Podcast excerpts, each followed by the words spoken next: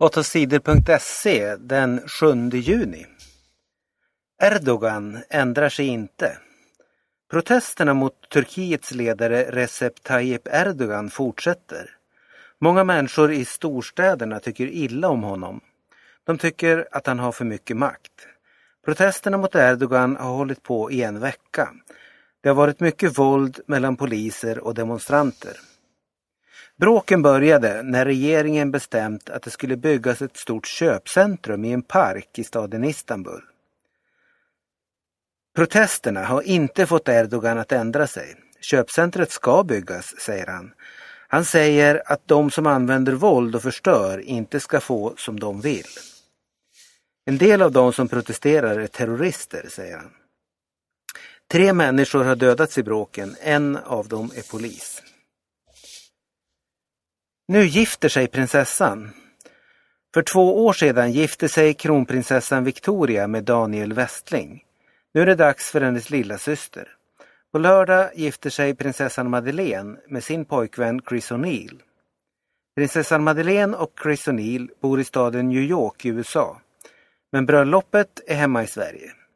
Klockan fyra på eftermiddagen börjar bröllopet i Slottskyrkan i Stockholm.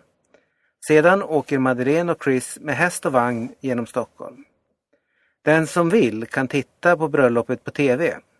Men festen efter bröllopet är privat. Där kommer inga tv-kameror in.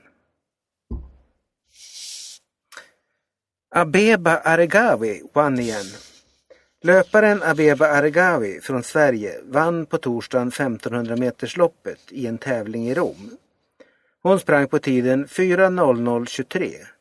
Det här var Aregawis tredje seger i rad i år. Moa Hjelmner blev sjua på 400 meter. Erika Jarder kom på tionde plats i längdhopp och Emma Gren Tregaro blev fyra i höjdhopp. USA övervakar människors telefoner. Flera miljoner människor i USA har blivit övervakade. Hemliga agenter har kontrollerat människors telefonsamtal. Meningen med avlyssningen har varit att upptäcka terrorister. Det skriver den brittiska tidningen The Guardian. De människor som fått sina telefoner avlyssnade har inte varit misstänkta för brott. USAs regering har erkänt den hemliga övervakningen.